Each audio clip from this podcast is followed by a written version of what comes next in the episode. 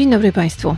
To jest podcast Pierwsza Młodość. Ja się nazywam Karolina Korwin-Piotrowska i bardzo miło mi jest e, mówić do Was dzisiaj. Tym bardziej, że na kilka godzin przed nagrywaniem tego podcastu e, spotkało mnie totalne pandemonium. Poblokowałam sobie wszystko. Do tego mój ukochany dostarczyciel internetu no, się zbiesił i przestał mi go dostarczać. W związku z tym naprawdę ręce mi opadły. Nie wiedziałam, co mam zrobić, ale uff Głupi ma szczęście, jak to mówią, mm, więc się udało, tym bardziej dzień dobry. Przypominam, że premiera mojego podcastu jest zawsze w piątki o godzinie 18 na Spotify, na Apple Podcast, na Google Podcast i na YouTube. Przypomnę także, że patroni z Patronite'a od progu 25 co tydzień mają bardzo miły newsletter, plus bonusy, plus jako pierwsi dowiedzą się już niedługo, jakie będzie nowe dziecko, które pojawi się pod sztandarami, pod sztandarem może bardziej pierwszej młodości, tak, bo się pojawi. Co jeszcze? No proszę Państwa, mamy trudne czasy, bardzo ciekawe z jednej strony, a z drugiej strony bardzo trudne. I tak sobie pomyślałam, ostatnio byłam w księgarni, Kupiłam sobie książkę, o której Wam zaraz opowiem, i jakoś mi się od razu ten podcast dzisiejszy ułożył. Trudno pisać sobie scenariusze tego podcastu z dużym wyprzedzeniem, bowiem życie nas dogania albo nawet przegania i, że tak powiem, ręce i nogi opadają. No ale cóż, takie mamy życie, takie mamy czasy, bardzo trudne. A więc zaczynamy. Chcę Państwa zabrać do knajpy, do takiej knajpy z międzywojnia w Niemczech Chcę, żebyście posłuchali, wczuli się w ten nastrój, powdychali trochę dymu papierosowego, zapachu ludzkiego potu, alkoholu i przeróżnych innych rzeczy, które nam się kojarzą z lekko zapyziałymi klubami nocnymi z międzywojnia. Da się? Poprosiłam Was, żebyście się wczuli, bowiem mam w ręku książkę, która nosi tytuł Rausz.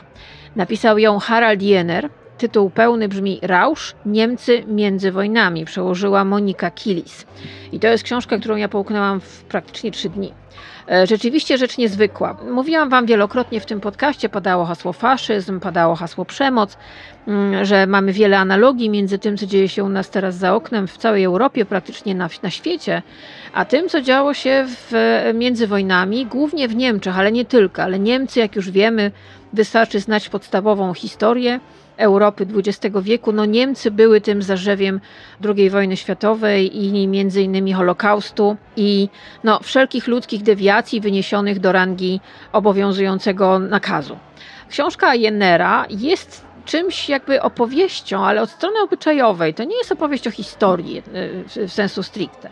To jest historia Niemiec od 1918 roku, kiedy skończyła się Wielka Wojna, I wojna światowa, kiedy Niemcy były w fatalnym stanie, budziły się jakoś powoli do życia, pojawiają się problemy społeczne, pojawiają się ogromne problemy gospodarcze, między innymi potworna inflacja, ale też pojawia się rewolucja obyczajowa, między innymi następuje niesłychana emancypacja kobiet, które nie tylko obcinają włosy, obcinają sukienki, ale zaczynają bardzo często wychodzić wieczorami, to wyłącznie w kobiecym towarzystwie albo same.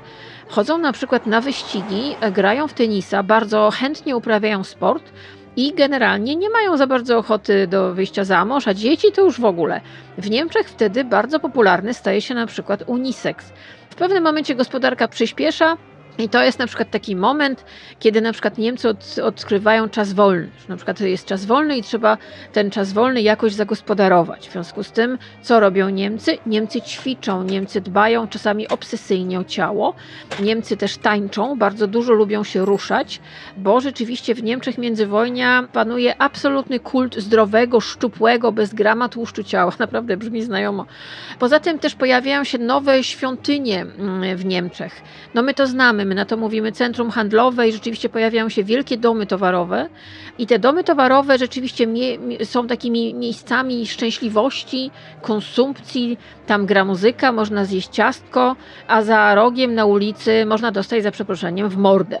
No, ale lata 30. to jest początek wielkiego kryzysu i rzeczywiście ta przyszłość Niemiec staje się bardzo ponura, jak to się skończyło wiemy, ale to jest niesamowita opowieść, o tym, jak się te Niemcy zmieniały. I tutaj Wam przeczytam tytuły rozdziałów, to Wam Was mam nadzieję e, zachęci. Rozdział pierwszy, gdy wojna wracała do domu. I to jest bardzo ciekawa opowieść o tym, w jakim stanie w ogóle psychicznym byli niemieccy mężczyźni, ale także i kobiety którzy wracali po I wojnie światowej do domu, jak wyglądała ta rzeczywistość codzienna. Jest drugi rozdział, y, rozdział o inflacji.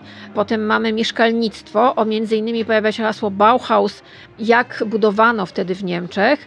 Potem mamy rozdział czwarty, los za maszynami do pisania, czyli warstwa propagatorów nowej ery.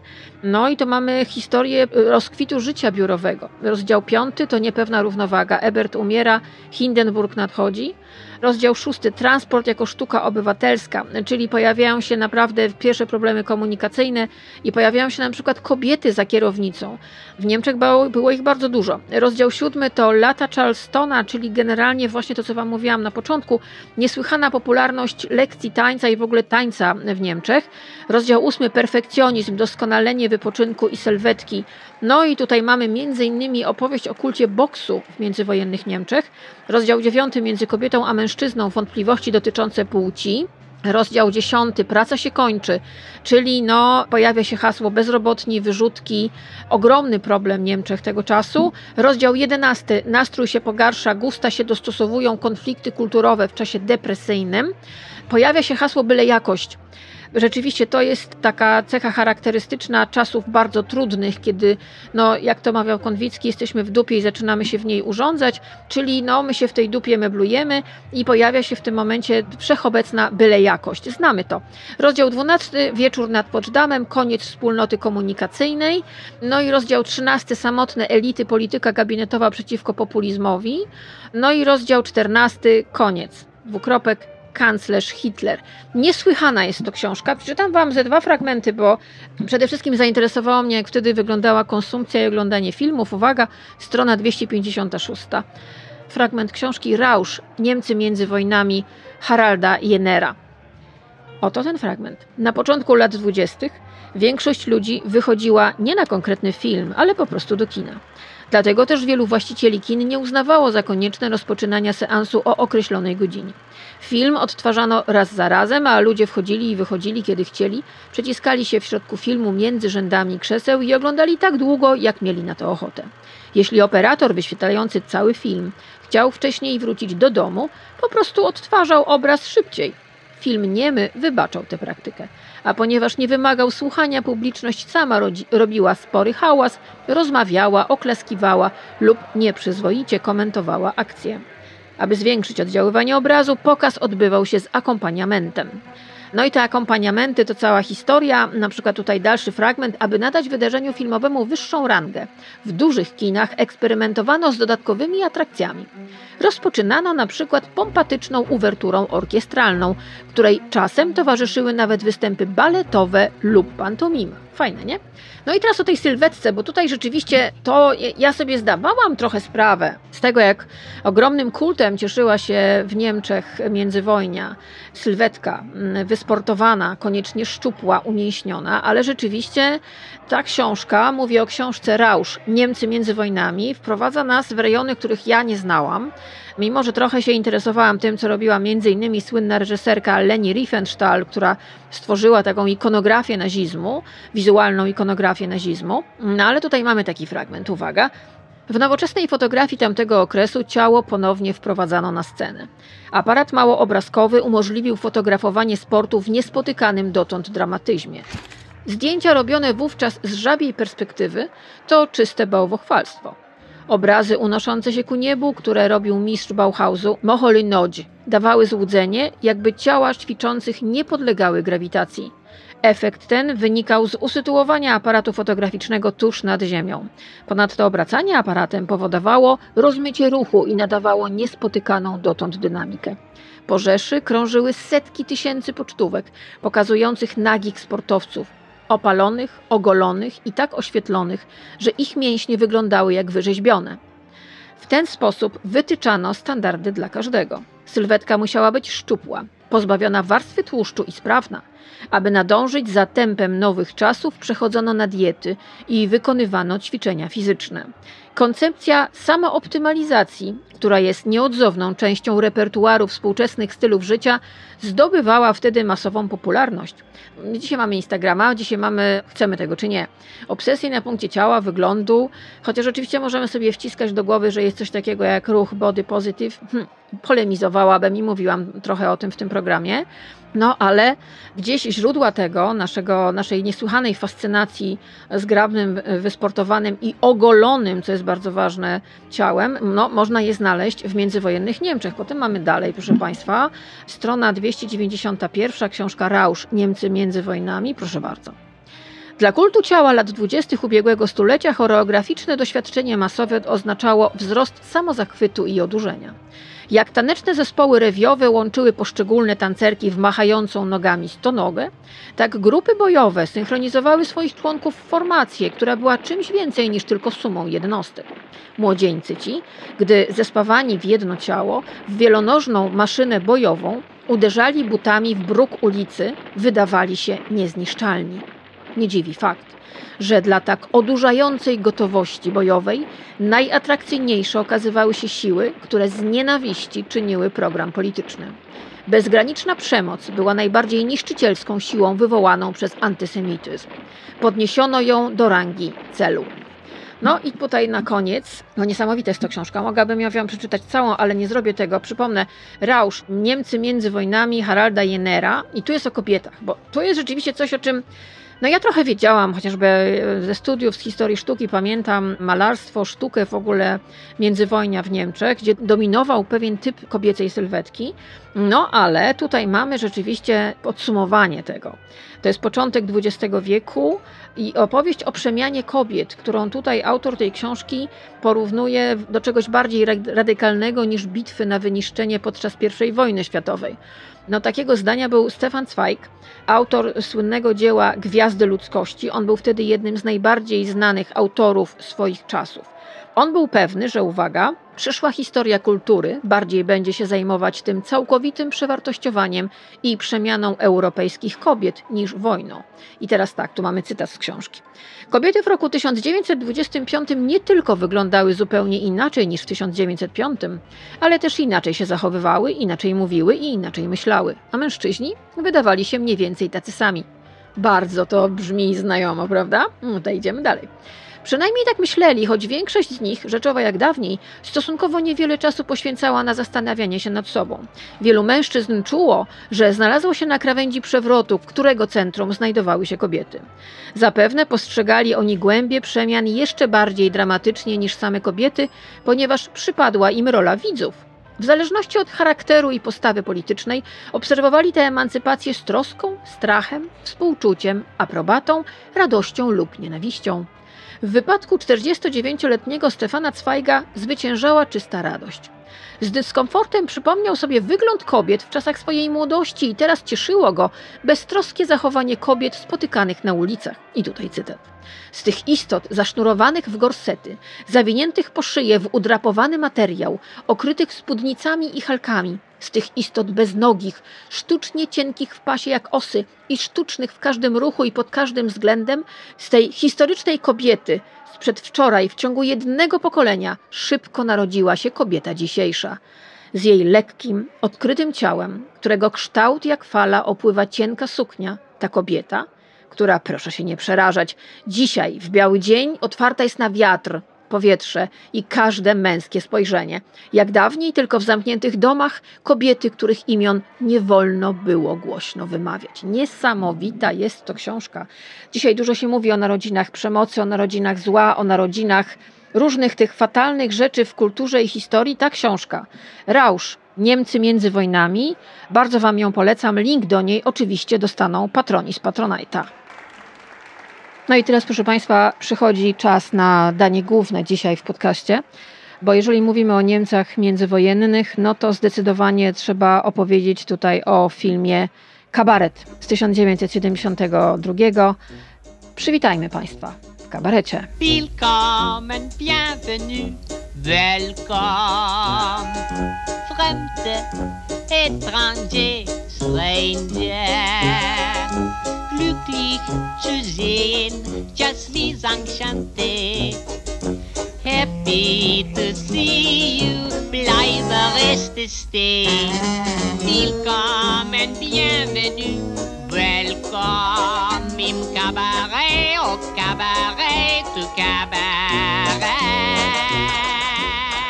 No to jest film po prostu absolutnie niezwykły. Film absolutnie genialny. Wyreżyserował go Bob Fosse. W rolach głównych wystąpili Liza Minnelli jako Sally Bowles i Michael York jako Brian Roberts. Film otrzymał całą masę nagród, m.in. BAFTA, Złote Globy i Oscary, a o czym jest?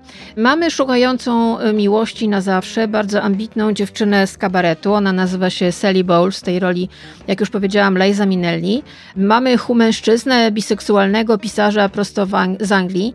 W tej roli występuje Michael York, on nazywa się Brian. No i mamy Nat Natalię, w tej roli Marisa Berenson, bardzo bogata, żydowska arystokratka, niesłychanie też piękna. No i na dokładkę, żeby to był kwartet, niemiecki arystokrata, bardzo bogaty i zepsuty, nazywa się Maksymilian. W tej roli występuje Helmut Grimm. No i to jest tak naprawdę opowieść, jak ta czwórka osób próbuje e, żyć w berber kabaretowy. Two Ladies. Wszystkie linki do tych klipów dostaną moi patroni z Patronite, ale powiem wam jedno, słuchanie to jest nic, co trzeba zobaczyć. Ponieważ rzeczywiście Bob Fosse, który wyreżyserował kabaret, niesłychanie, no on był absolutnym perfekcjonistą, można dzisiaj powiedzieć sadystą i trochę psychopatą, ale bardzo, bardzo dbał o to, żeby to wyglądało. Na przykład niektóre kostiumy sprowadzano do Niemiec, gdzie kręcony był ten film ze Stanów Zjednoczonych, bo do, takich tam nie mogli znaleźć, no, łącznie z zielonym lakierem do paznokci dla Sally Bowles, którego nie mogli kupić w Niemczech. Naprawdę. Ale rzeczywiście wizualnie kabaret jest absolutnie filmem genialnym. To porywa. Widać tą szczegółowość, widać tą dbałość o każdy detal. To jest bardzo ważne, kiedy mówi się opowiada się w filmie historycznym jakąś historię. Dlatego numer Two Ladies jest bardzo ciekawy także ze względów wizualnych, ale no, ja wam go mogę puścić jakieś 20 sekund. Posłuchajcie, z filmu Kabaret Boba Fosse, Joel Grey i Two Ladies. Two ladies, two ladies, so only mania. I like it, they like it. Jak już powiedziałam, w roli Sally Bowles wystąpiła Liza Minnelli, córka Vincentego Minnellego, słynnego reżysera i aktorki Judy Garland, no, która od dziecka była obciążona tym niesłychanie ciężkim brzemieniem sławy, ale no, tutaj już na starcie kariery pokazała, jak niesamowitym jest y, dynamitem. Miała bardzo duży wkład w to, jak Sally Bowles wyglądała, sama sobie obcięła włosy na tą charakterystyczną fryzurę, ten zielony lakier do paznokci, jej taki bardzo kolorowy makijaż, całe zachowanie Sally Bowles. To jest rzeczywiście Liza Minnelli. No, dzisiaj trochę niestety zapomniana, nad czym ja bardzo boleję, bo uważam, że jeżeli są jacyś geniusze zawodu aktorskiego i zachowania się na scenie, no to Liza Minnelli to jest top, top 3 po prostu w historii rozrywki światowej. Fenomenalnej urody, energii, fenomen kosmicznego wręcz talentu dziewczyna. No dzisiaj, jak, jak mówię, trochę zapomniana, ale wtedy rozpoczęło się absolutne szaleństwo na Lizę, bowiem Sally Bowles, no w tej postaci, tej zwariowanej, trzpiotowatej, aczkolwiek bardzo dobrodusznej trochę naiwnej dziewczynie, bardzo wiele kobiet się odnalazło. No i Liza, jako ta postać z tej hollywoodzkiej arystokracji, która tym filmem zaczęła, że tak powiem, wybijać się na niepodległość. Wykonania piosenek Lizy Minnelli z filmu Kabaret są absolutnie epokowe. Moim zdaniem nikt tego nie był w stanie już powtórzyć. Jedyna i niepowtarzalna. Na przykład ten słynny numer z krzesłami z piosenki Mine Hair. Krążą legendy o tym, że e, ile tygodni wręcz trwały próby do tego, żeby zrobić to tak, żeby reżyser Bob Fosse był zadowolony. On nigdy nie był zadowolony, no ale w pewnym momencie chyba jednak został. To jest numer niesłychany, bowiem rzeczywiście Sally Bowles, czyli Liza Minnelli i tancerki jej towarzyszące za partnerów mają krzesła, zwykłe krzesła z knajpy. I na tych krzesłach robią takie rzeczy, o jakie ja bym was prosiła, żebyście nigdy w domu nie robili bez przygotowania, bo się można połamać.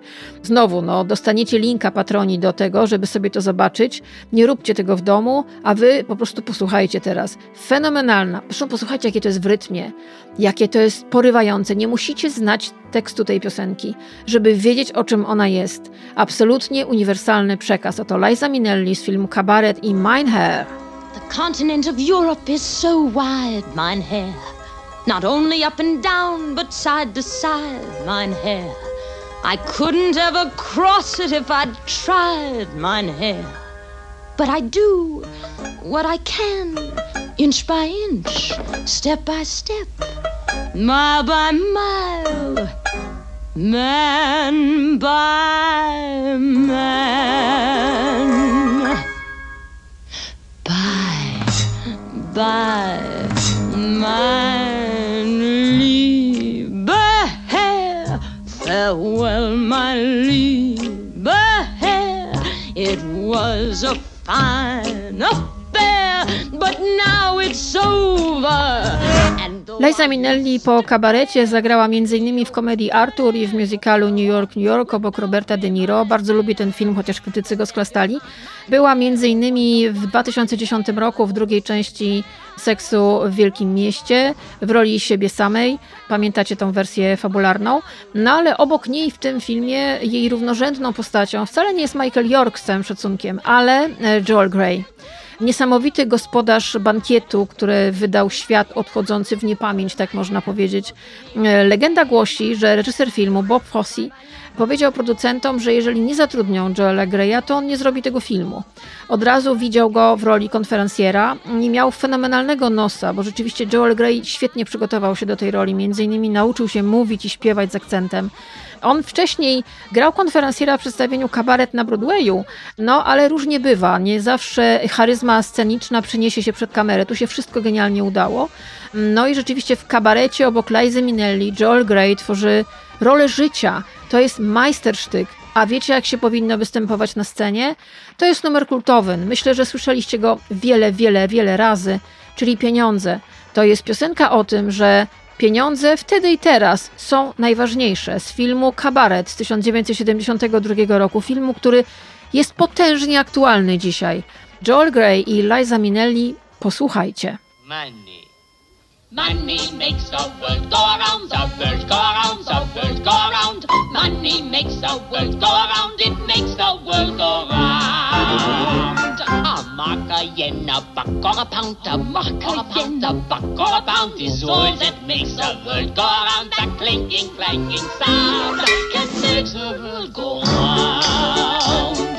Money, money, money, money, money, money, money, money, money, money, money, money, money. If you happen to be rich and you feel like a nice entertainment, you can stay for a gay escapade. If you happen to be rich and alone and you need a companion, you can ring ting-a-ling for some mate. If you happen to be rich and you find you are left by your lover and you moan and you groan quite a lot, you can take it on the chin, call a cab and begin to recover on your 14 carat yacht. What? Money makes the world go round, the world go round, the world go round. Money makes us go round the block. We both are sure on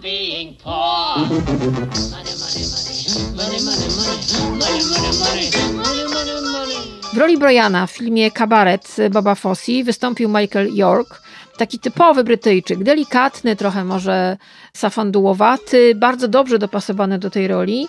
Idealny odtwórca takiej e, postaci, która wzbudza pożądanie zarówno u kobiet, jak i u mężczyzn i fenomenalnie noszący kostium. Rzeczywiście Michael York był jednym z tych aktorów, którzy jakby urodzili się do tego, żeby grać w filmach e, kostiumowych. A obok niego Marisa Berenson, która gra dziedziczkę żydowską.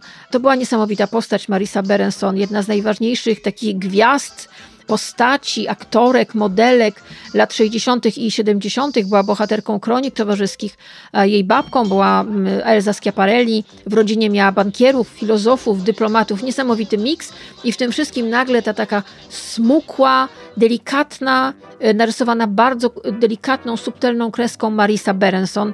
No ona była wtedy ikoną stylu i rzeczywiście w roli tej dziedziczki żydowskiej Natalie Landauer wys- wygląda fenomenalnie i fantastycznie pasuje do tej całości. Tak jak już mówiłam, w filmie Kabaret widzimy bardzo wiele odnośników do dzisiejszych czasów. Mamy świat pomiędzy wojnami. Znaczy po jednej wielkiej wojnie, przed drugą. Świat, który udaje, że nic się nie dzieje. Świat, który się świetnie bawi, pije alkohol, uprawia seks, bierze narkotyki. Świetnie spędza czas. Tańczy, bal, baluje i jest pięknie. No nie do końca.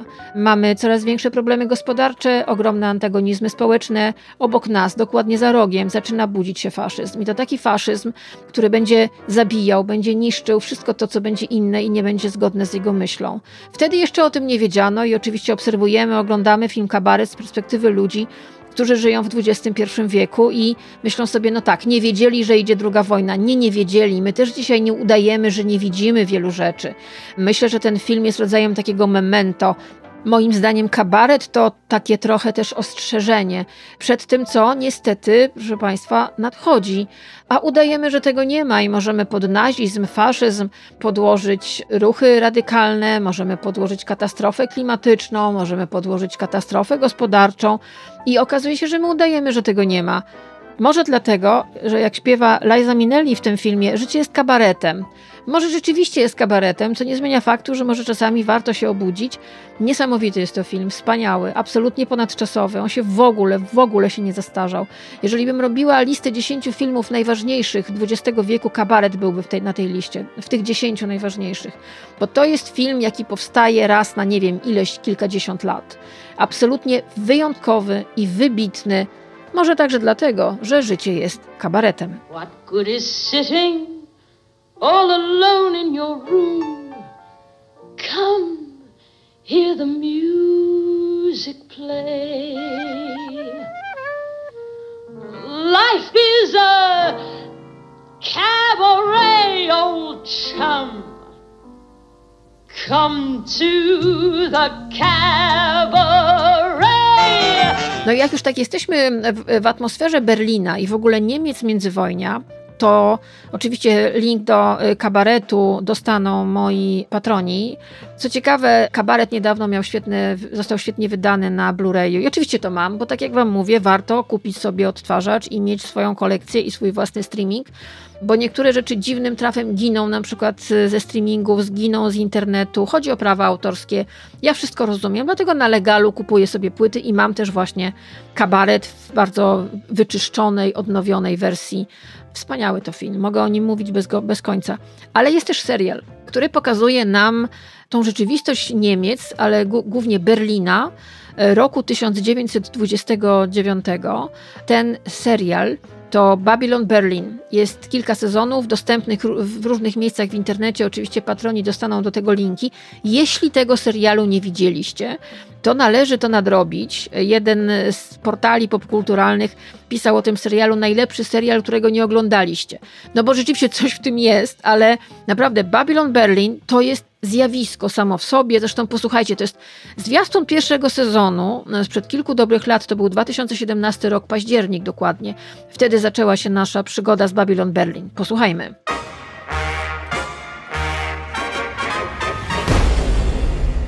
Gary Rath from Cologne. I have been told that our mutual friend is doing business on the side. He's ambitious, dogged, a ferret. I'll deal with it. Ты правда поверил, что я могла нас предать, да? What happened? Can you hear me? Breathe in very deeply. In and out. And when I say now, you will open your eyes. Now. Бумаги верни! На месте. Help! Help me! Excuse me, Detective Sergeant, but this man may have been tortured. Should we investigate? It's not that simple. You have no idea who you were dealing with. You know what I'm looking for.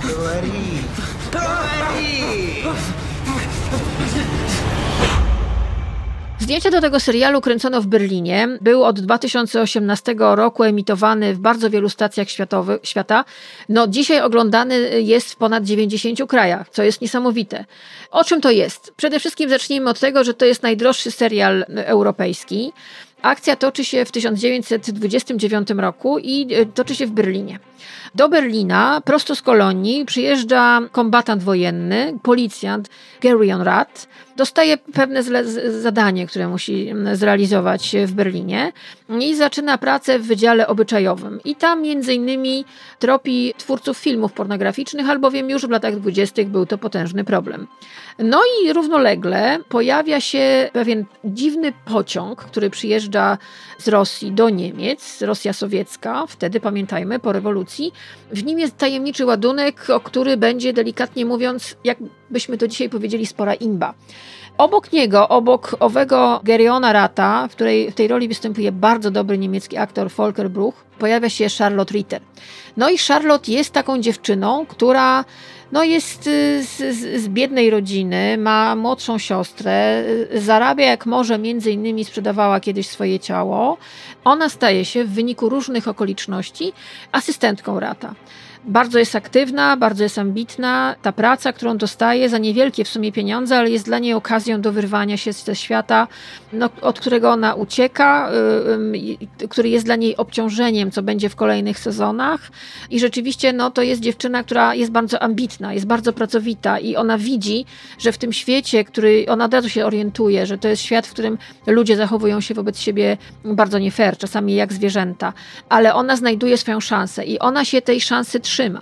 Akcja serialu Babylon Berlin toczy się nie tylko na komisariatach, nie bójcie się.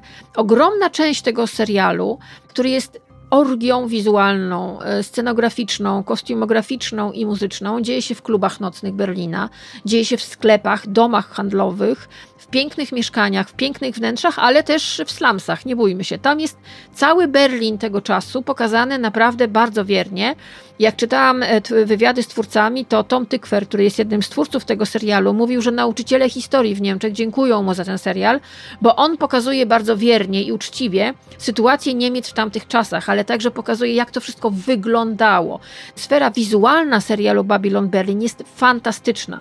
No i to jest też opowieść, jak wyglądała wtedy mafia berlińska, bo rzeczywiście wschodzimy do prawie podziemi, widzimy półświatek berliński w pełnej okazałości, widzimy ogromne różnice kulturowe, widzimy ludzi różnych narodowości, różnych kolorów skóry, różnych orientacji seksualnych. To wszystko jest w tym jednym niesamowitym tyglu, gdzie oczywiście wszyscy się bawią, piją, kradną, robią, pracują też czasami. Czasami też są policjantami, jak właśnie główny bohater tego serialu, ale też no, dokonują przeróżnych przestępstw na tropie tych przestępstw jest właśnie główny bohater, czyli Rat. Świetnie jest to wszystko napisane. Reżyserem jest Tom Tykwer, między innymi obok niego Achim von Boris czy Henk Hangleten. I rzeczywiście to, to jest kilka sezonów, są już cztery. Ogląda się to fenomenalnie, to bardzo wciąga. Każdy odcinek ma godzinę, jest bardzo dopracowany, w każdym najdrobniejszym szczególe. Ja jestem pod ogromnym wrażeniem tego i tak jak mówiłam wam o książce Rausch, jak mówiłam wam o filmie Kabaret, tak Babylon Berlin jest jakby dopięciem tego, tej całej opowieści. O Niemczech w międzywojniu, tutaj rozmawiamy o Berlinie, o stolicy Niemiec, gdzie ten tygiel był jeszcze większy, ale to tak jak mówiłam przy okazji kabaretu, to było miejsce, taka, taka trochę ziemia obiecana dla wyrzutków z całych Niemiec i z całej Europy, a bywa, i ze świata. To była taka stolica trochę Europy, dekadencka, unurzana w dymie papierosowym i w zapachu alkoholu i często w bardzo ciemnych interesach, ale w tym wszystkim właśnie owa Liza, i ów Gerion Rat sobie próbują jakoś znaleźć miejsce. Co ciekawe, nie łączy ich relacja e, romantyczno-erotyczna, ale rzeczywiście e, mają między sobą taką fajną, kumpelską, powiedziałabym, przyjacielską więź. Każdy z nich owiązany jest erotycznie, że tak powiem, w innych konstelacjach. Ich życie erotyczne, prywatne jest też bardzo skomplikowane i niestety wpływa na też życie zawodowe. Nie chcę wam za wiele o tej opowiadać, ale jeżeli macie okazję zobaczyć film Babylon Berlin, jeżeli lubicie sobie tak gdzieś rzucić czasami, że są analogie między Niemcami z lat 30. i 20., a tym, co się dzieje dzisiaj, no to Babylon Berlin jest dowodem na to. Zresztą sami twórcy mówili, że to nie było ich jakby intencją, żeby zrobić film, który będzie serial, który będzie analogią jeden do jeden. Nie. To po prostu jakoś tak wyszło. Znaczy, rzeczywiście świat się nam radykalizuje, świat się nam robi coraz trudniejszy do życia, a my udajemy, że się nic nie stało, to idziemy do sklepu na zakupy albo do kosmetyczki. Nie ma nic złego w zrobieniu zakupów. Bądźmy szczerzy, ani pójściu do kosmetyczki, czy życiu po prostu, ale fajnie jest otworzyć oczy i mieć świadomość, że to, co się dzieje dookoła nas, robi się powoli coraz bardziej niebezpieczne. I że na przykład politycy chcą nas antagonizować, bo bardzo łatwo rządzi się zantagonizowanym narodem, który skacze sobie do gardeł. Ten wątek w Babylon Berlin jest. On nam pokazuje, jak rodzi się to zło. A że akcja toczy się w miarę krótkim, w krótkiej przestrzeni czasowej, no to widzimy, jak gdzieś szybko to następuje. Można wyciągnąć jakieś wnioski z tego wszystkiego oglądając, ale zanim wyciągniemy te wnioski, jeszcze jedna rzecz. W tym serialu jest fenomenalna ścieżka dźwiękowa. Szczególnie pierwszy sezon jest genialny. Tam wystąpił Brian Ferry. Brian Ferry, który też zagrał w tym serialu i występuje jego band. I na koniec chciałabym, żebyście posłuchali chociaż małego fragmentu ścieżki dźwiękowej soundtracku z serialu Babylon Berlin, który jest serialem wspaniałym, serialem niezwykłym, serialem, który was wciągnie po końcówki włosów i naprawdę warto się jemu poddać. Oto piosenka Reason on Rhyme The Brian Ferry Orchestra z serialu Babylon Berlin. Posłuchajcie.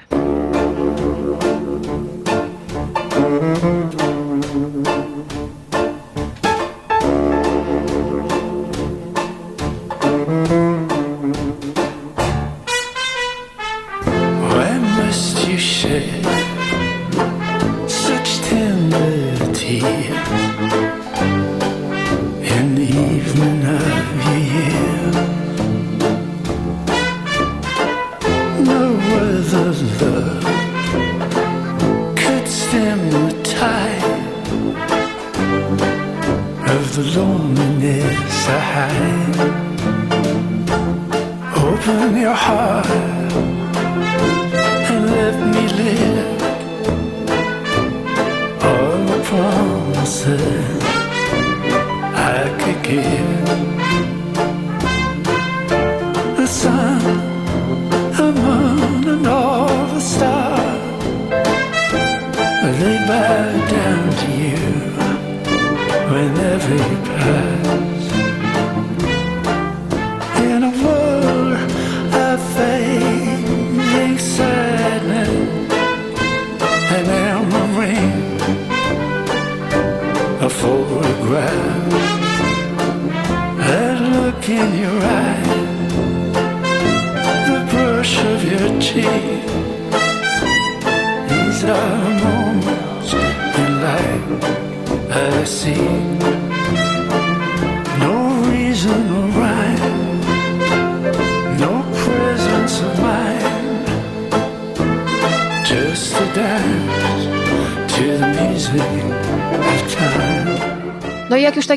narodzinach zła, to jeszcze krótko, na ile się da, bo już trochę czasu nam minęło.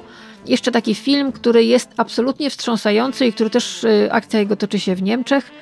To jest koprodukcja austriacko-francusko-niemiecko-włoska. Reżyserem jest Michael Haneke. No już chyba wiecie o co, o co chodzi, o Białą Wstążkę.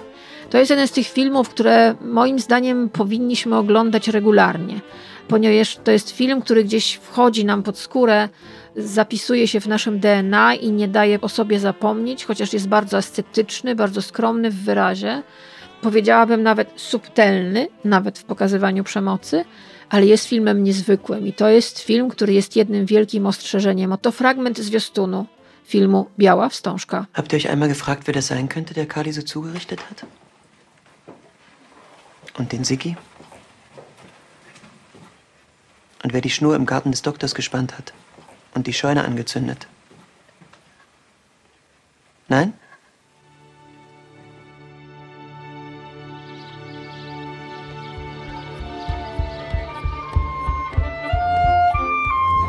Sie keine Angst, dass Ihre Schüler Sie auslachen, wenn Sie da so mit mir tanzen? Martin, pass auf!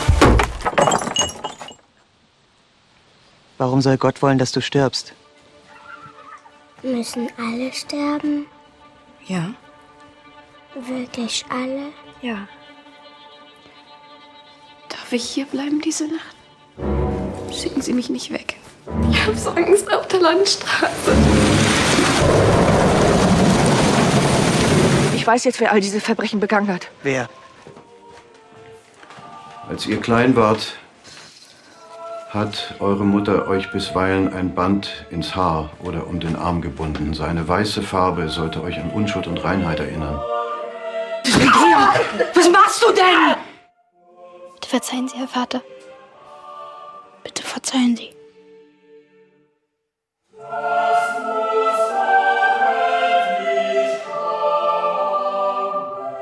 Weiß ist, wie ihr alle wisst, die Farbe der Unschuld. No i ta końcówka, prawda?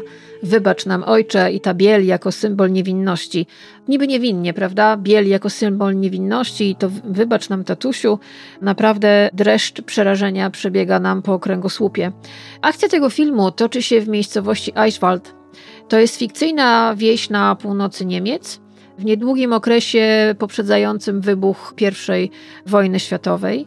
I to jest taka mała miejscowość, gdzie wszyscy się znają. E, jest to bardzo surowa miejscowość, ludzie bardzo ciężko pracują, panuje tam obyczaj protestancki i też szybko się orientujemy, że mamy dość dziwne relacje między członkami rodzin, nie tylko między rodzinami, ale też w tychże rodzinach panują dziwne, dziwne jakieś historie.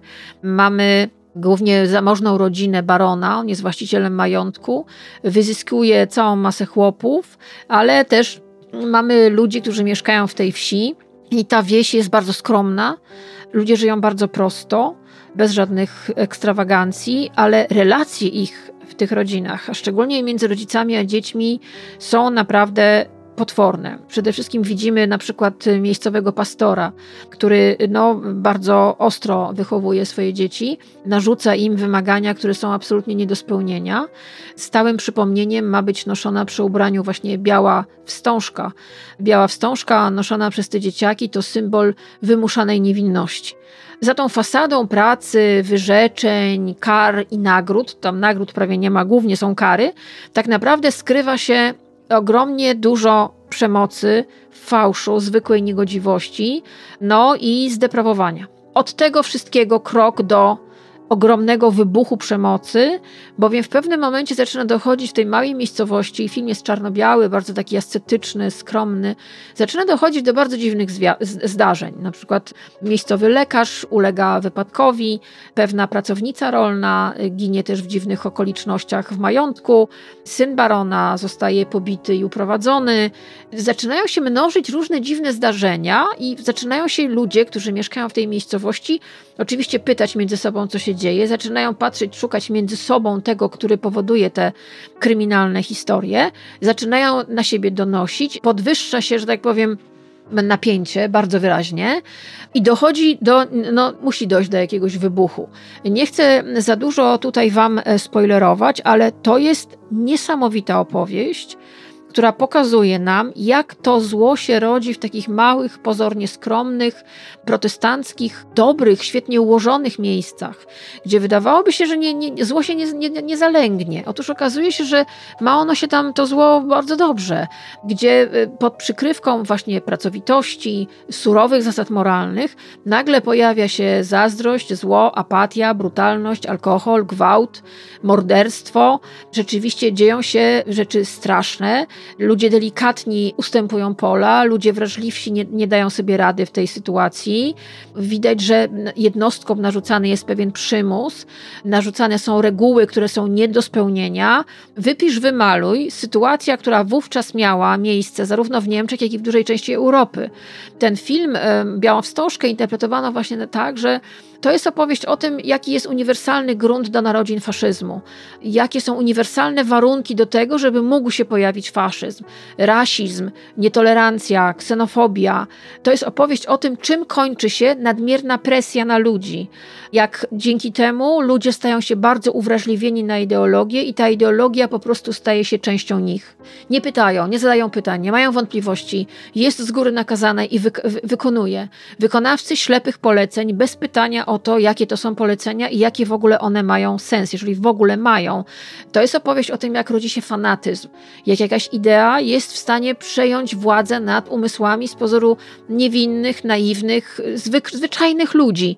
Niesamowity jest to film. Film wstrząsający, który To nie jest łatwe kino, od razu wam powiem. To jest taki film, który dusi, trzyma nas za gardło, nie wprowadzi w was weselny, radosny nastrój, ale to jest film, po którym będziecie, podejrzewam, siedzieli zszokowani po tym, co zobaczyliście, chociaż tak naprawdę zobaczycie niewiele, ale mistrzowsko budowana jest narracja, ta się taka, takiej duszności, która się pojawia w tej miejscowości, która się, tej niepewności, tego zła, które zaczyna rodzić się między tymi ludźmi. No, film niezwykły. Film niezwykły, jak to ktoś określił, arcyniemiecki film o niemieckości, ale myślę, że nie tylko tutaj chodzi o Niemcy. Rzecz naprawdę wspaniała. Link do tego filmu, do Białej Wstążki, uniwersalnej historii, która może się wydarzyć w każdym miejscu na Ziemi, nawet dzisiaj, a może nawet już się wydarza. Ten link oczywiście dostaną patroni. O co chodzi z dramą z Gargamelem? W 2020 roku padłam ofiarą groomingu i agresywnych zachowań przez znanego wam wszystkim Gargamela. I nasz związek trwał do 2021 roku, do incydentu, kiedy pijany Kuba wparował do mojego mieszkania, zaczął mnie wyzywać, szarpać mnie. Laura w przeszło 8-minutowym filmie opowiada o tym, jak wyglądał jej związek i w jaki sposób traktował ją Gargamel. Więc zaczęliśmy spotykać się z Kubą w marcu 2020 roku, kiedy miałam jeszcze 16 lat. A on 25. Finalnie teraz Gargamel znowu przeprosił. No i teraz historia, którą żyje cały polski internet i którą ja się postanowiłam też tutaj troszkę zająć, bo akurat tak się składa, że nawet subskrybowałam kanał Gargamela, choć nie jestem specjalnie mocna w polskim YouTubie, ale od jakiegoś czasu regularnie oglądam kanały komentary, na przykład takie jak Dominika Bossa, Gimpera czy Rewo.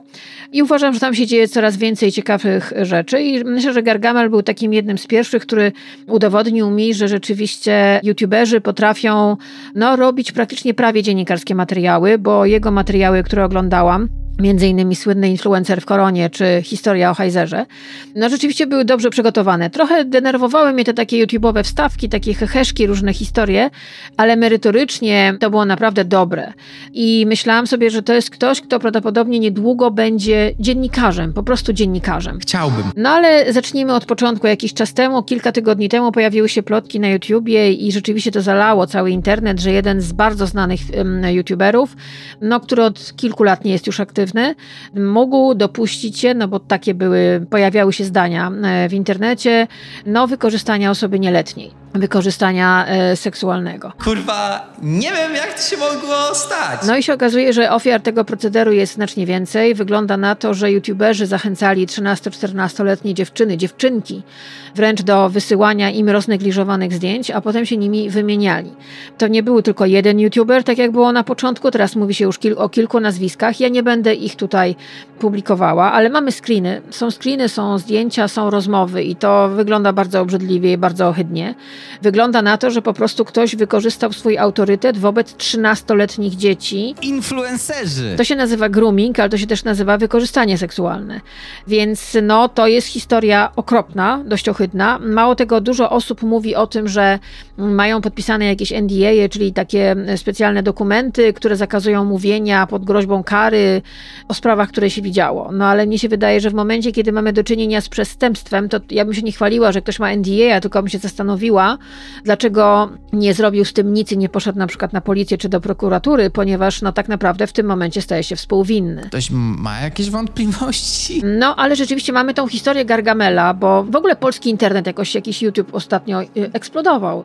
Wylało się jakieś wiadro syfu, no i mamy historię Gargamela, który zasłynął właśnie z tych materiałów, w których pokazywał palcem w dość dobry sposób naprawdę różne upadki, głównie influencerów, znanych, lubianych. Był takim autorytetem moralnym, jakby wektorem, pozował na kogoś takiego.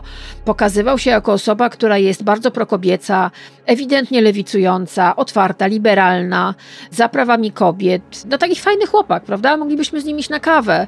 No ale ta historia uczy nas bardzo wielu rzeczy, bo nagle okazuje się, że jego dziewczyna, dziewczyna, która nazywa się Laura, ujawniła na, w nagraniu na TikToku, ja widziałam to nagranie, o tym, że no, opowiedziała o tym związku. Ona zaczęła być w nim związku, kiedy miała lat 16, on miał lat 25, to też ciekawe. Związek był przemocowy. Ona była traktowana bardzo źle. On był bardzo toksyczny, miał problemy z alkoholem, kontrolował nie tylko jej znajomych, ale także to, co je na przykład. Miał wybuchy agresji, wybuchy histerii, wybuchy przemocy. No i to wyglądało bardzo źle. Ona opowiada dokładnie ze szczegółami. Mało tego, w jej filmiku są też screeny SMS-ów od niego do niego i SMS-ów, które wysyłała do osób bliskich, opisując, co się dzieje, i są to też nagrania, i te nagrania są po prostu ohydne. No i nagle mamy historię o tym, że influencer, który rzeczywiście od y, paru lat budował swoją pozycję na YouTubie, wpływał na miliony ludzi, no bo rzeczywiście miał bardzo dużo subskrypcji i o tych jego materiałach, no szczególnie o tym materiale o Heizerze, influencer w koronie, bardzo dużo się mówiło. Miał bardzo duże zasięgi, był na kanapie u Kuby Wojewódzkiego, miał swoją audycję w radiu. No to, to nie był jakiś byle Jasio, za przeproszeniem. Nagle się okazuje, że facet, który pokazywał się jako ktoś, kto nie, nie tyle jest bez zarzutu, ale no, że jest fajnym gościem, i że raczej nie powinien mieć niczego za uszami. No za uszami ma po prostu tonę szamba. I że deklarując się jako osoba o lewicowych, takich liberalnych poglądach, no w domu zachowywał się jak ostatni i tutaj trzy kropki. Influencerzy. No, jest osobą przemocową, niestabilną, która, no, oczywiście on się tłumaczy, że próbuje jakoś odbudować siebie, jest to terapii. No ale żadna medialna wpadka nie jest pełnoprawnym social media zesraniem się bez przeprosin. No, ale okazuje się, że ta historia, o której mówię, ta Laura, no to jeszcze w 2020 e, była też historia jego poprzedniej innej dziewczyny, która skarżyła się na dokładnie to samo, to jest dokładnie kopiuj wklej historia. No i wspominała właśnie o jego agresji, histerii i zachowaniach przemocowych i alkoholu. Więc to nie jest pierwszy raz, to nie wyszło dopiero teraz. Ja się specjalnie nie interesuję życiem, życiem youtuberów, no ale okazuje się, że wystarczy poskrolować i jego profil na Facebooku i tam jest jego, są jego przeprosiny sprzed y, kilku lat, naprawdę. Więc to nie jest nowa rzecz. I powiecie, kurwa, dużo tych przeprosin. Za co on tak przeprasza? I to jest bardzo ciekawa i bardzo smutna historia, bo z jednej strony mamy to, że nagle stajesz się osobą publiczną, nagle masz followersów, nagle jesteś znany, masz te, masz te serduszka, te kciuki w górę i jesteś osobą wpływową i to jest oczywiście bardzo fajne, bo też zarabiasz na tym i to jest bardzo miłe, ale nie do końca sobie wszyscy chyba zdają sprawę, co to znaczy ten wpływ. Ten wpływ mieli ci ludzie, zarówno ten youtuber, o którym wam mówiłam, który według wielu już tutaj relacji wykorzystał seksualnie dziewczynki ze swoimi kolegami, ale też ów Gargamel. Jesteś osobą wpływową, czyli musisz pamiętać o tym, że będziesz rozliczany ze swoich zachowań. Jesteś osobą nieanonimową, czyli będziesz rozliczany ze swoich zachowań. Jesteś osobą, która wpływa na, realnie na rzeczywistość, bo oni wszyscy wpływają, nie tylko zasięgowo, ale w ogóle na przykład Gargamel, no jego materiały, no Heiser o nich wspominał w niezbyt y, ciepłych słowach, no ale wpływały na rzeczywistość. No i teraz nagle się okazuje, że ta osoba zachowuje się przemocowo, jedna i druga. Oczywiście jedna, jedna gdzieś zginęła, druga przeprasza po raz kolejny i oczywiście zrzuca wszystko na kwestie problemów psychicznych, problemów z nałogami, no bo najłatwiej na to zrzucić. I oczywiście mówi przepraszam i bardzo miło i wszyscy się wzruszają, ale generalnie bycie influencerem, bycie osobą znaną, bycie osobą wpływową, to nie jest tylko jedzenie codziennie tortu ze śmietaną. To są też obowiązki i wyrzeczenia. I to nie jest tak, że możesz bezkarnie korzystać ze swojej pozycji. Cóż. To też jest nauczka dla wszystkich tych, którzy wywyższają innych ludzi, stawiają ich na postumencie. W moim pokoleniu to się wycinało gwiazdy z gazetek, zdjęcia gwiazd z gazetek, wieszało się na ścianie i się człowiek y, prawie modlił tam. Na przykład ja do Toma Cruza swego czasu. No potem jak się okazało, że został scjentologiem, trochę mnie bolało. Podobnie miałam z Melem Gibsonem, którego bardzo lubiłam, no ale po jego antysemickich wyskokach stwierdziłam enough. Serce mnie bolało, odstawiłam na bok. Mówiłam wam tutaj, co się dzieje ze mną i moją relacją z Woody Malenem, na którego filmach się wychowałam i bardzo trudno jest mi zapomnieć o tym, że wychowałam się na tych filmach. Będę o nich pamiętać, ale już pewnie nowych rzeczy no, w ogóle nie, nie zamierzam oglądać. Moje pokolenie też miało złamane serca przez gwiazdy, przez nazwijmy to influencerów. Dawaliśmy sobie z tym radę inaczej. Teraz ten dystans się zmniejszył. Ludzie myślą, że coś wiedzą o tych ludziach z internetu. Oni zresztą też bardzo dużo pokazują ze swojego życia, sugerują różne rzeczy, nagrywają na przykład z domu. Wydają się bardziej dostępni, ale cały czas w nas jest, i to jest naturalne, rozmawiałam kiedyś o, ten, o tym z psychologami, jest tendencja do tego, żeby idealizować osoby znane. Że ktoś, kto jest znany i wpływowy, jest lepszy od nas. On jest tam, gdzie jest, czyli jest mądrzejszy, nie wiem, ładniejszy, lepiej się wypowiada, jest dlatego, że jest lepszy od nas. No, tak jesteśmy skonstruowani. My musimy mieć idoli, musimy mieć ludzi, na których się wzorujemy. I teraz mamy takiego idola i nam serce pęka. Mamy kogoś, kogo materiały oglądaliśmy, kogo na przykład może wspieraliśmy i nagle serce nam pęka. I to jest też nauczka w ogóle dodatkowa, że nawet jeśli ktoś pokazuje się jako osoba, która jest właśnie liberalna, prokobieca, wręcz jest femini- uważa się za feministę, no w życiu prywatnym może być ostatnim i tutaj trzy kropki. I że to nie jest tylko na przykład przynależne znaczy powiem tak, głupota, mobbing, przemocowość i narcyzm nie ma przynależności politycznej. Naprawdę. I tak samo jak nie ma płci. Każdy z nas może być taką osobą, ale jeżeli jesteś osobą znaną, musisz liczyć się z tym, że cię złapią na byle wykroczeniu i że będą cię z tego rozliczali, bo tak funkcjonuje świat. I to jest naprawdę dla mnie trudne tutaj teraz, bo wygląda na to, że YouTube, YouTuberzy, influencerzy, którzy mają ogromny, przeogromny wpływ na naszą młodzież. Przecież na te słynne obozy z YouTuberami rodzice wysyłali swoje dzieci nagle się okazuje, że na tych obozach mogło dochodzić do niefajnych sytuacji. Że są screeny, że są zdjęcia, że są nagrania.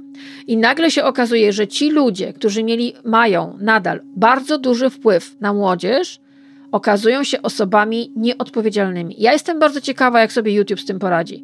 Czy wpuszczą w to wszystko prokuraturę i policję, bo zamiast opowiadać, pieprzyć głupoty o jakichś NDA-ach, trzeba się wziąć do roboty. Trzeba natychmiast powiadomić organy ścigania, jeżeli macie jakieś screeny, jakieś dowody, natychmiast, bo potem się okaże, że będziecie współwinni. I potem co powiecie tym dzieciakom, od których wyciągaliście przez dekady kasę? Co im powiecie? Że jesteście świniami, że jesteście zboczeńcami, że oszukaliście ich wszystkich? Tutaj macie akcję charytatywną i się odpierdol... To jest bycie osobą wpływową. To jest bycie influencerem na co dzień nie tylko reklamując sukienki z dupy, jakieś różne historie, wciskając ludziom skam. Nie. Jest to ogromna odpowiedzialność teraz. Ja jestem ciekawa, jak YouTube się z tym upora.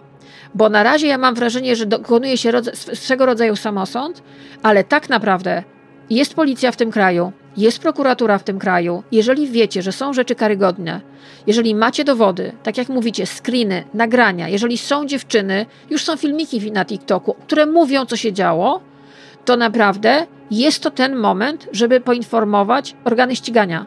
Naprawdę, to trzeba zrobić. Żal mi tych dzieciaków, które poczują się zawiedzone. Widzę na TikToku filmiki, e, ludzie sobie robią filmiki pod tytułem jeżeli twój idol okazuje się być świnią albo przemocowcem. No, niestety tak jest.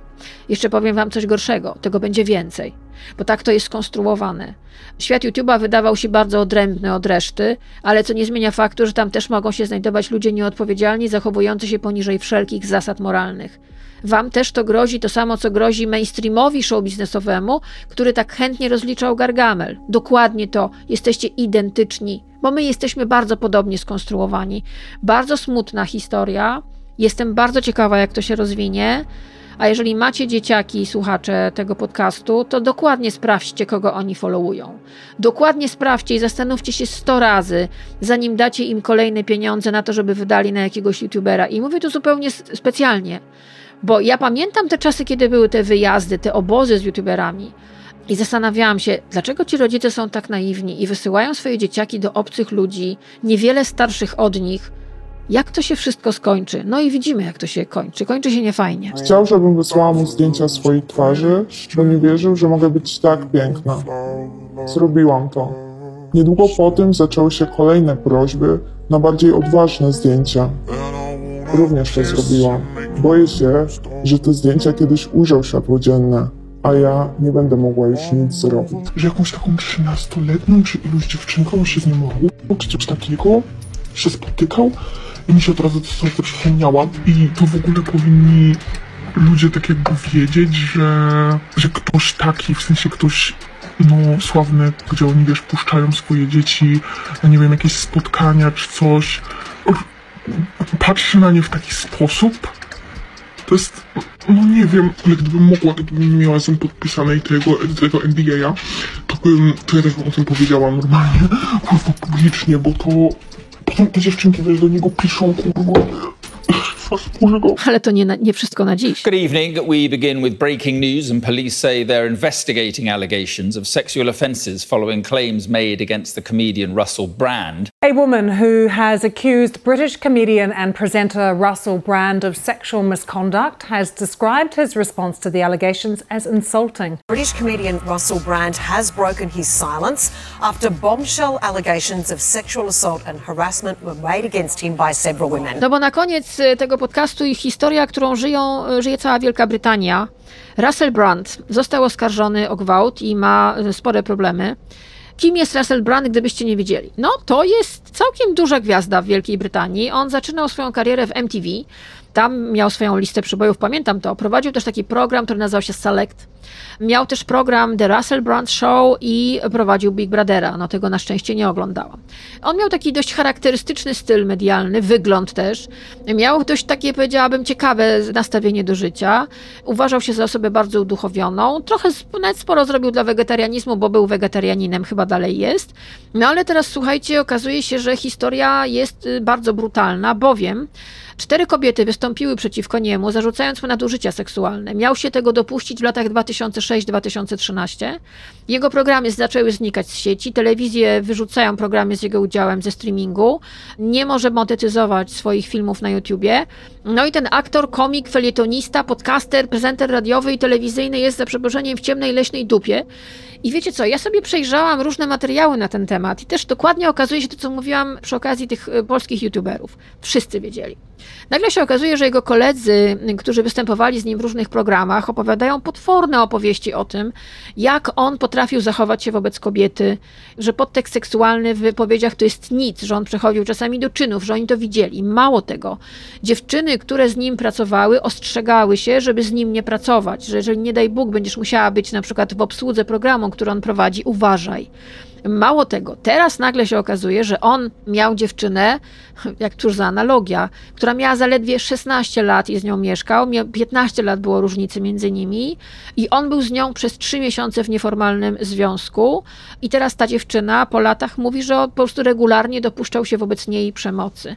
Mało tego, słuchajcie, ujawniono jego prywatną korespondencję i ta dziewczyna pisze do niego, kiedy kobieta mówi nie, to oznacza nie, a na to on jej odpowiada, że jest mu bardzo przykro. Wszystkim jest bardzo przykro i przepraszają, tylko no, że tak powiem, mleko się rozlało. Co jest też ciekawe, nagle wychodzą, bo zawsze tak jest, słuchajcie, i tak jest też z tymi polskimi youtuberami, tak samo jest z Russellem Brandem, nagle wychodzą różne trupy z szafy, wylatują po prostu seryjnie. Nagle pojawił się fragment w internecie nagrania wywiadu Russella Branda z Jimmym Sevillem, który był jednym z największych przestępców seksualnych w historii Wielkiej Brytanii. Polecam wam serial na Netflixie, wstrząsający o tym, jak koleś oszukał wszystkich łącznie z, z królową, ze wszy wszystkich po prostu. Uważali go za dobroczyńcę, a on gwałcił dzieci, między innymi też uprawiał seks ze zwłokami. Naprawdę, to był taki koleś. A był totalną gwiazdą telewizji, właśnie ta kolejna osoba nietykalna na świeczniku, mężczyzna. No i Brand spotkał go w jakimś programie i Savile go zapytał, czy ma młodszą siostrę. Brand zamiast tego zaproponował mu usługi swojej asystentki, uwaga, przeszkolonej w usługiwaniu mężczyznom. Może masaż? Padła odpowiedź. I takie dialogi odbywały się w tych programach, które prowadził Russell Brand i nikt nie zwracał na to uwagę. No i teraz się okazuje, że mleko się rozlało. Coraz więcej kobiet podnosi głowy i mówi, co im robiono. Koledzy Russella Branda mówią, co się działo. Dziennikarze, którzy doprowadzili, bo to wszystko stało się w wyniku śledztwa dziennikarskiego. Niezależne dziennikarskie śledztwo się pojawiło i rzeczywiście dotarli do tych kobiet i one po raz pierwszy w mediach powiedziały, co im robiono. Dziennikarze dalej kopią i okazuje się, że jest cała masa ludzi, która może powiedzieć, jak się Russell Brand zachowywał przez całe dekady, jak się okazuje. On był absolutnie nietykalny i słuchajcie, nagrał w końcu do internetu taką wypowiedź obrończą, której oczywiście wszystko zrzucał na różne spiski, które go otaczają, na to, że on jest postacią publiczną i że to wszystko oczywiście jest kłamstwo. Posłuchajmy. We're talking about events of the last week, but in particular the collusion between big tech and government and an apparent concerted effort by legacy media and now the state big tech to silence independent media voices. Obviously, it's difficult for me to be entirely objective given the events of the last week, but that is what we must try to do. No i rzeczywiście mamy do, do, do czynienia z historią, w której, tak jak mówię, wszyscy wiedzieli, wszyscy wszystkich kryli, mieli absolutną świadomość, co się dzieje, nikt nie podniósł głowy i gdyby nie niezależne dziennikarskie śledztwo, które i dziennikarze, którzy dotarli do tych kobiet, które były ofiarami Russella Branda, to byśmy dzisiaj nie wiedzieli i pewnie byśmy go jeszcze oglądali w internecie. Kolesia, który nie wiem, czy wiecie, ale słuchajcie, on na przykład twierdził, że nie ma epidemii COVID-19, bo tak naprawdę tego wirusa wymyślili Ukraińcy. To jest jeden z tych, którzy uważają, że Ziemia jest płaska i te, no wiadomo, typowy przedstawiciel tego odłamu, że tak powiem, ludzkości, ale zostawmy to na boku. Tu chodzi o to, że po prostu on gwałcił kobiety, że on je molestował, a potem je szantażował, bo to jest bardzo ważny aspekt całej tej historii, bo okazuje się, że tak samo było u Billa Cosbiego, tak samo było u Harvey'a Weinsteina, którzy swoim ofiarom, które chciały zrobić cokolwiek z tym, co im zrobiono, donieść gdzieś na policję, usłyszały, jeżeli to zrobisz, twojej kariery już nie będzie po prostu, nikt cię nie będzie zatrudniał, zrobię ci taką opinię, że nie dostaniesz nigdy żadnej pracy. No i Russell Brand robił dokładnie to samo. Mało tego, na ta historia z polskimi youtuberami, jak sobie dokładnie posłuchałam kanały, komentary, radzę wam posłuchać sobie na przykład u Gimpera czy u Dominika Bossa, no to ewidentnie historia jest też tego typu, że niektóre osoby miały podpisane tak zwane NDA, czyli dokumenty, które zakazują mówienia na temat tego, co się widziało pod groźbami różnymi tam, prawda? Tylko, że w momencie, kiedy jesteś świadkiem przestępstwa, no to nawet przestępstwem jest nie mówić o tym, nie, do, nie, nie donieść na tym na policję czy na prokuraturę. Jeżeli była sytuacja, o której się mówi właśnie teraz w internecie, czy w przypadku Russella Branda, że mamy do czynienia z dziećmi, z osobami niepełnoletnimi, które są wykorzystywane seksualnie, no to na miłość boską żaden NDA nie powinien tutaj działać. Można to jedynie użyć jako papieru toaletowego. Zasłanianie się teraz tym jest po prostu tchórzostwem. Albo widzisz przestępstwo i jesteś jemu przeciwny, przeciwna i idziesz z tym na policję albo do prokuratury, albo udajesz, że się nie stało, w związku z tym jesteś też przestępcą. Jesteś współwinny, bo przez lata ukrywałeś kolesia, który robił brzydkie rzeczy. Ja jestem ciekawa, jak się ta historia z Russellem Brandem będzie toczyła dalej, bo to jest sprawa bardzo skomplikowana. On jest dość ustosunkowany, ma dużo znajomych. Ciekawe jest to, że teraz nagle wszyscy sobie poprzypominali różne historie, głównie jego koledzy z branży, to, to jest znamienne. No, wyrzucili go ze wszystkich filmów i seriali, nie ma tych odcinków, nie ma tych programów, po prostu nie istniał. No, ciekawa jestem, co zrobi prokuratura i policja, bo z tego co wiem, wzię, wzięły się za to i ta sprawa będzie miała swój dalszy ciąg. Zawsze trzeba stanąć, słuchajcie, po stronie osób, które zgłaszają takie rzeczy, które mają odwagę mówić. To jest ogromna odwaga i to trzeba być ogromnie zdeterminowanym. A mówienie teraz, że miała 13, 14, 15 lat, sama chciała i sama mu się wpychała, to ja powiem tak, było nie brać. Było powiedzieć, nie uprawiam seksu z dzieckiem. To jest bardzo proste dzieciaki w takim wieku 13-14 mają rozbuchaną emocjonalność, seksualność, robią czasami głupie rzeczy, nie wiedzą, jakie mogą być konsekwencje ich czynów, a ty, jak jesteś po prostu starym dziadem, powinieneś wiedzieć, że jeżeli idziesz do łóżka z dzieckiem, to to się nazywa pedofilia. Nawet jeśli to jest twoja fanka z YouTube'a, nawet jeśli to jest twoja pracownica w programie, który robisz. Po twojej stronie jest odpowiedzialność to się nie bierze takiego dziecka. To się po prostu mówi, dziewczynko, nie rób tego, nie jestem zainteresowany. Tak trudno powiedzieć nie? Naprawdę? Że jakąś taką trzynastoletnią czy iluś dziewczynką się z nim ruchał, czy coś takiego? Się spotykał. No i na sam koniec, proszę Państwa, specjalne moje polecenie, dwumiesięcznik książki, magazyn do czytania, w którym innymi Jacek Dukaj pisze o tym, jakie książki napisze nam sztuczna inteligencja. Bardzo to jest ciekawy, ciekawy tekst. To jest problem, przed którym stajemy wszyscy, scenarzyści filmowi, pisarze, wydawcy. Co zrobić, bo jakie będą te książki? Bo na razie one są dość nieporadne, ale my wiemy, że sztuczna inteligencja się uczy bardzo szybko. A o współczesnym życiu opowiadają w tym numerze także Renata Lis, Salman Rushdie czy Przemysł Przemysław Sadura. Bardzo fajna sprawa, jedna z niewielu gazet, które kupuję. Mówię, bo pytacie mnie, co pani kupuje. No to kupuję magazyn książki. Regularnie, bo mam tutaj fajne recenzje, mam przegląd tego, co się ukazuje na bieżąco, nad czym warto się pochylić, kupić albo wypożyczyć. Warto wiedzieć, co się dzieje na rynku wydawniczym. What good is sitting all alone in your room? Come, hear the music play.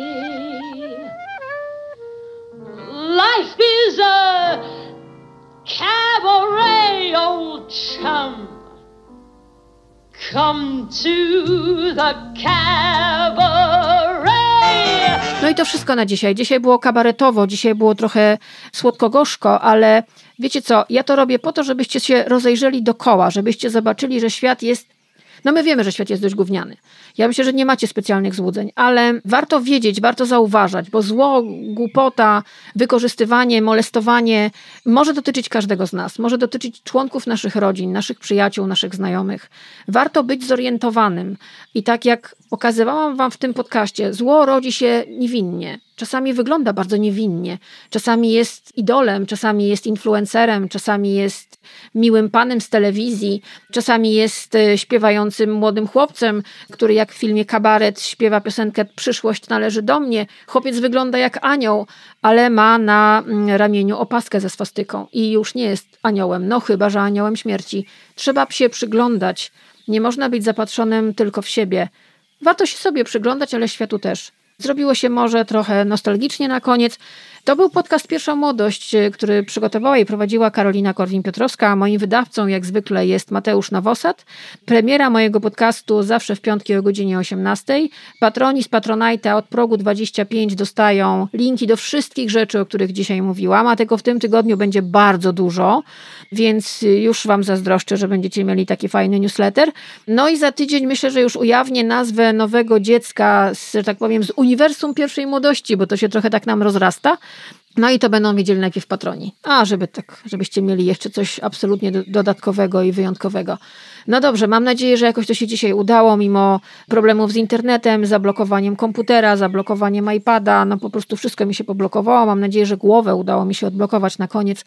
W związku z tym pożegnajmy się razem z Diane Keaton i Ladida. Do usłyszenia. Bądźcie zdrowi, bądźcie bezpieczni i miejcie zawsze otwarte oczy. La-di-da, la-di-da, la-la. Mój podcast jest y, nagrywany, w związku z tym no muszę jeszcze coś dograć. W nocy pojawiły się kolejne screeny wiadomości, które wysyłali polscy youtuberzy, niektórzy z milionowymi, ogromnymi zasięgami, y, ludzie, którzy mają i mieli realny wpływ na życie, mentalność i emocje waszych dzieci.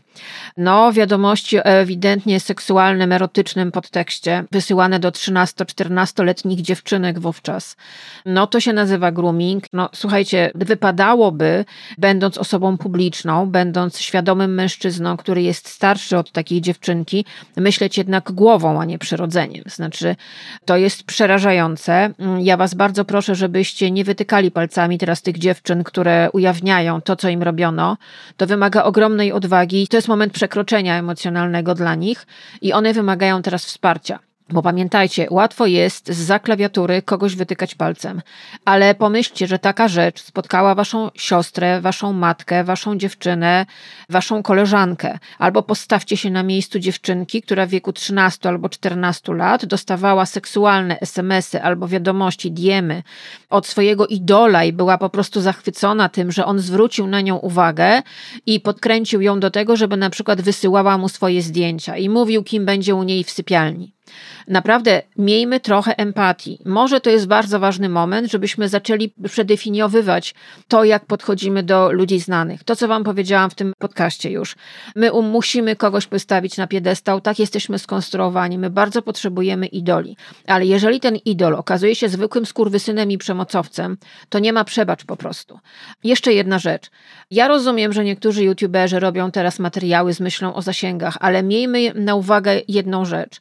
W tej chwili wy, do, wy macie zasięgi, a tak naprawdę nie ruszyliście jednej rzeczy. Wynika z tego, co się dzieje w sieci, że masa osób o tym wiedziała. Nikt tego nie zgłosił na policję i na prokuraturę. Ja mam nadzieję, że policja i prokuratura się tym już zajmuje i ogląda też wasze materiały, bo od kilku tygodni w sieci pojawiały się zdania koszmarne. Wiem, ale nie powiem. Wiem, za chwilę wybuchnie bomba. Wiecie co? To jest skurwysyństwo. Mówimy o tym, że dzieciaki były wykorzystywane, że były wykorzystywane przez waszych kolegów i koleżanki. Tak nie wolno. Tak nie wolno robić. Jeżeli wiesz, że ktoś wykorzystuje dziecko, że łamie jego emocjonalność i psychikę, łamie na całe życie czasami, to zamiast nagrywać kolejny clickbaitowy materiał o tym, że nic się nie stało, albo wiem, nie powiem, to naprawdę idź na policję albo puknij się w łeb.